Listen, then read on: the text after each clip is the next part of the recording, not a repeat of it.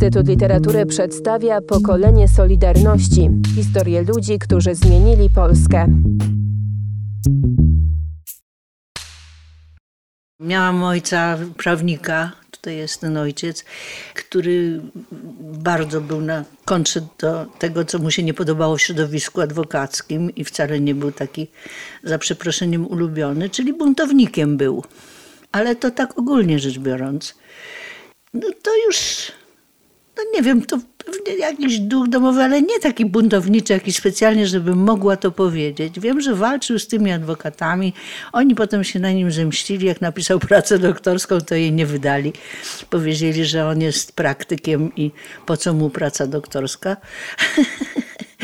Był człowiekiem, który dużo pracował i w zasadzie wszystko wspierał, co mi się zdarzało. Na przykład, jak trzeba było odwołać przedstawienie, bo wpadka była we Wrocławiu.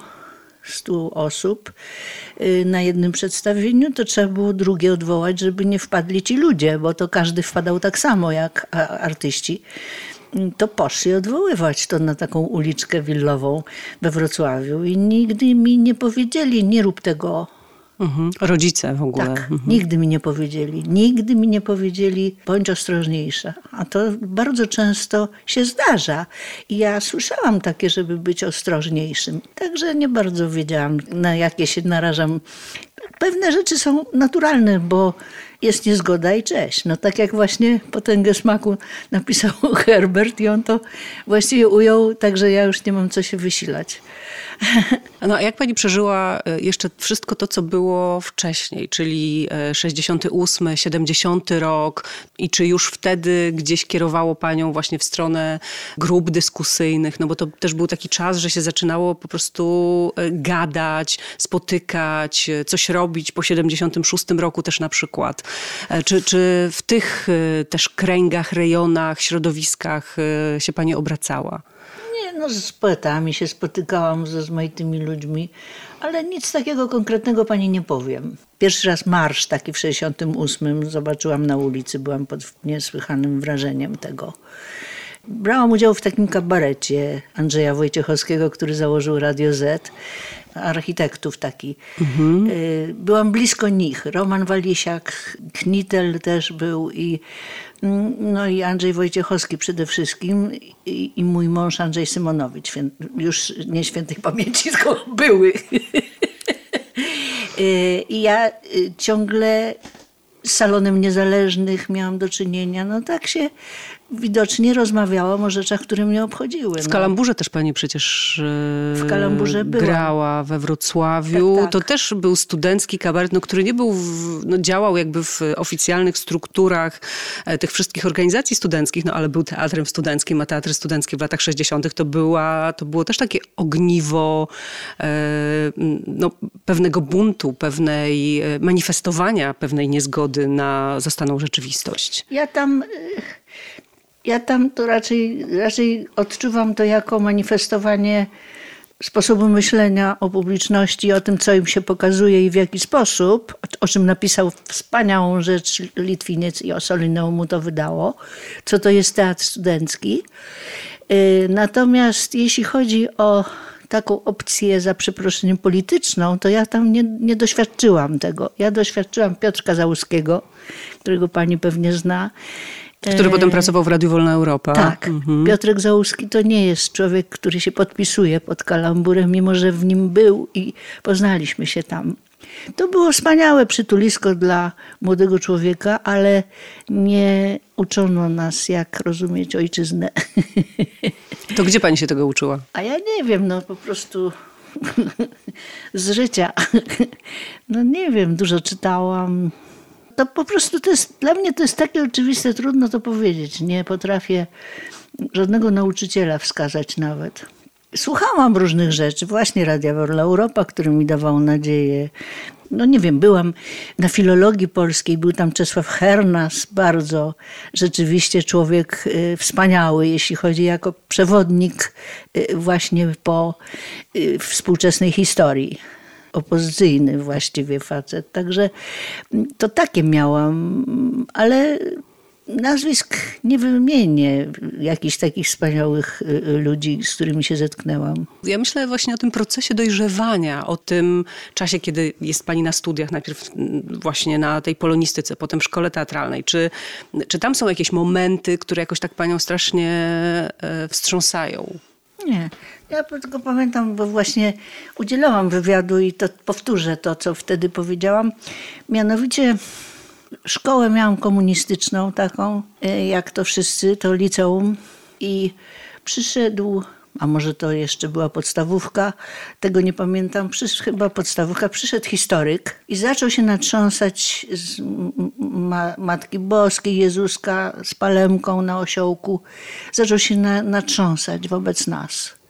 I wtedy usiadłam na podłodze, już nigdy z tej podłogi nie wstałam. Każdą lekcję odbywałam na podłodze. To był protest. E, to, to był, protest to był, głodowy. Jasne, rozumiem, czyli to był historyk, który w ogóle na co dzień was uczył historii. Tak, nauczyciel historii. Mhm. Ale nie pamiętam, czy to było w podstawówce, czy to było... Raczej to pasuje do podstawówki taki bunt, prawda?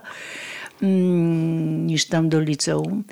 Yy, także jakby to powiedzieć, no ta Wolna Europa była moją mekką. Y, książki, które przywoziłam, sprowadzałam, mam całą bibliotekę tego, kultury paryskiej i tak dalej. No a jak pani to robiła? Jak pani sprowadzała te książki? No to też nie jest jakaś, to nie mogła być jakaś prosta sprawa. No ale trochę jeździłam z kalamburem na przykład, jeździłam ja ciągle gdzieś jeździłam. Ja jestem podróżnikiem, się okazało, mimo że nie pamiętam, gdzie byłam i co widziałam. Mogę to sto razy oglądać. I kupowałam te książki, no, po prostu, jak tylko się dało. Yy, a, a jak się je przez granicę przewoziło? A to, to, się potajemnie przewoziło. No, domyślam się, ale pytam o te sposoby. Nie, no tam zawsze się liczyło na to, że to się uda przewieźć. Nie zabierali mi. Chyba mi nie, nie pamiętam, żeby mi zabrali jakieś książeczki. To zawsze były nerwy, ale no, czego człowiek ma rozum, żeby się nie bać i przewozić. Także tu sporo mam. No, mam całą półkę kultury paryskiej na przykład i to była moja szkoła. Y, teraz wie pani co, ja sobie, przepraszam, mm, może zawracam jakąś Wisłę drągiem, ale pomyślałam sobie, jak to się stało, że na przykład, kiedy jestem z Egidą w Stanach Zjednoczonych i u nas jest za chwileczkę stan wyjątkowy, czyli wojenny, przepraszam. I my jesteśmy, występujemy tam rzeczywiście, Polonia szaleje na Pietrzaka i na to, co my mówimy.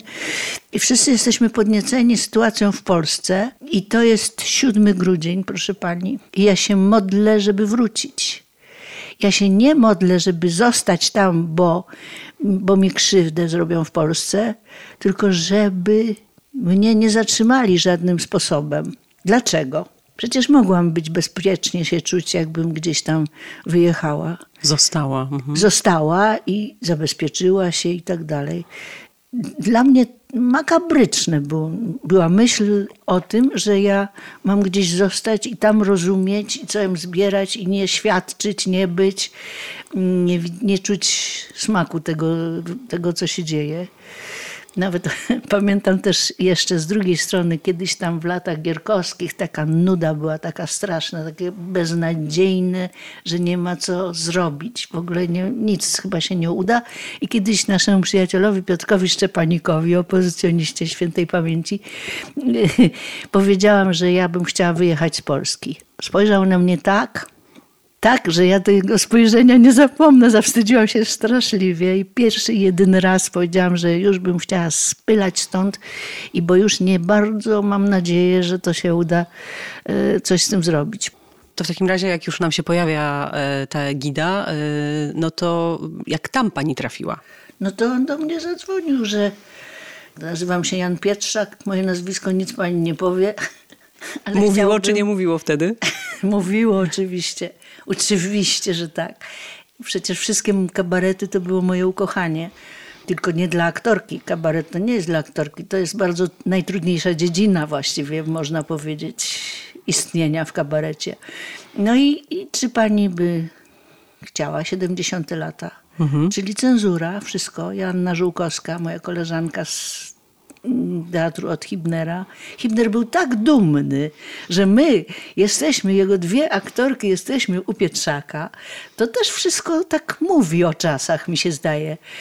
I oczywiście wszystko oglądał z wielkim tym i nawet pozwalał tam próby robić u nas u sobie w teatrze, ale to nie, nie tego próby, tylko recitalu, to nieważne, wszystko mi się myli.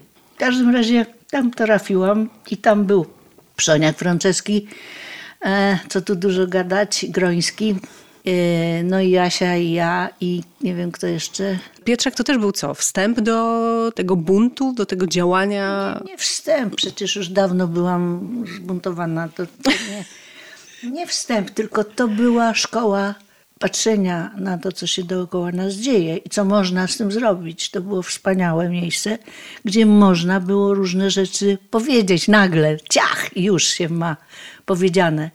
W zasadzie to mi zostało przez wiele, wiele lat. Potem nawet już nie było cenzury, a jednak y, wywoływała ona konieczność pisania rozmaitych piosenek i występowania w Egidzie.